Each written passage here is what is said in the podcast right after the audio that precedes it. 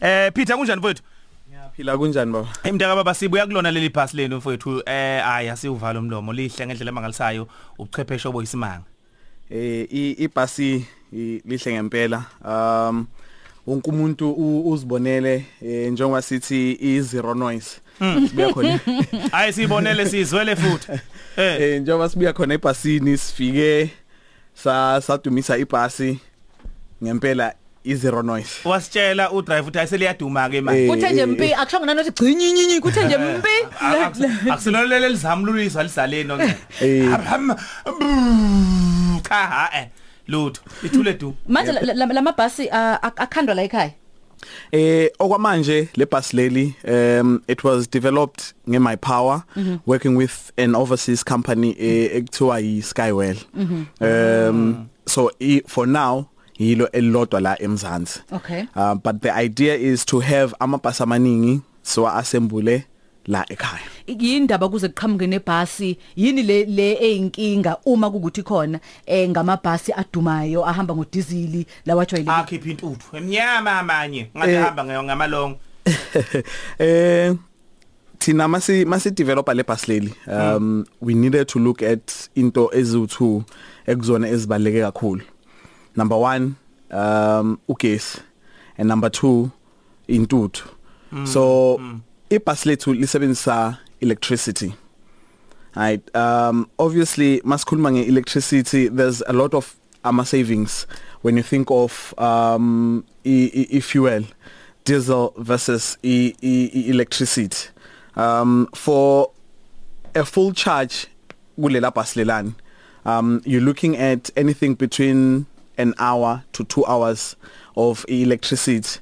Uh makube if i were to put it in rand value um you're looking at um a little less than 200 rands. Lichajwa ngephi leli bus liplug wapi um there is a few charging spots awakhona for ama ama ama ama ama electric cars okwamanje. Abakupha basendaweni zama garage kanje? Um yes um nasema malls. Hayi wena. Yes. Mm. eh um but si si si sinethemba ukuthi eh amabhasi masewafikile eh nayo leyo nkinga le ama charging spots nayo it's kuzoba into ecazululwa amabhasi mawafika.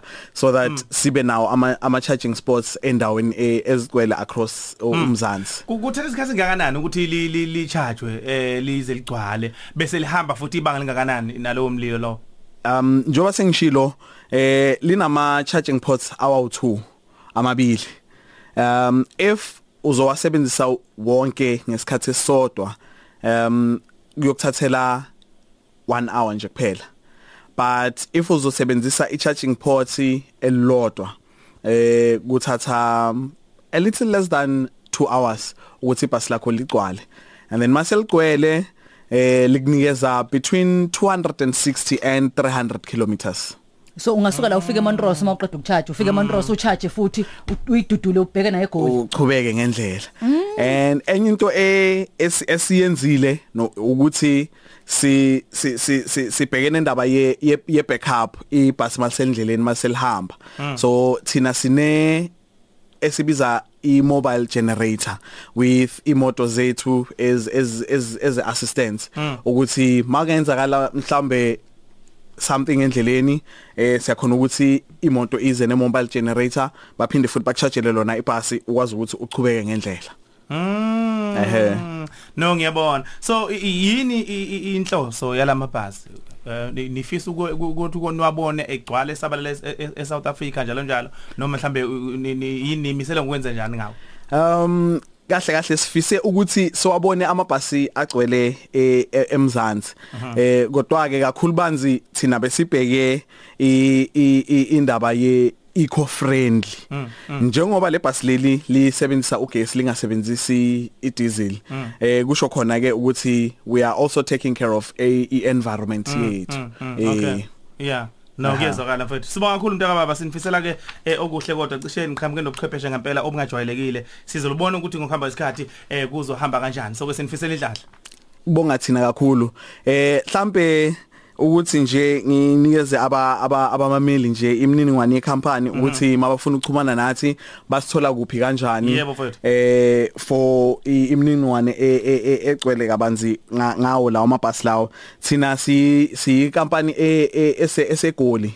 Eh we are based e Wynberg number 11 Thora Crescent lapha in Essentini eh mawukube ungathanda ukuthi uchumane nathi ngocingo em inamba yethu yeoffice it's 011 262 2107 eh makube ungathanda nokuthi uchumane nami nge cellphone it's 084 700 5341 um i-email yethu it's info@electricbus.co.za kanye ne website yakhona kube www.electricbus.co.za mfethu sibonga kakhulu. Kubonga kubonga thina. Alright uPeter ke eh, Mango besikhuluma naye marketing director yeah yase My Power. Eh njengoba sikhuluma ngebhasi ke abalikhiphile ke elisha ke eliuchwepheshe ke obusezingeni eliphezulu ke elisebenza ngogesi. 20 minutes after 8 o'clock.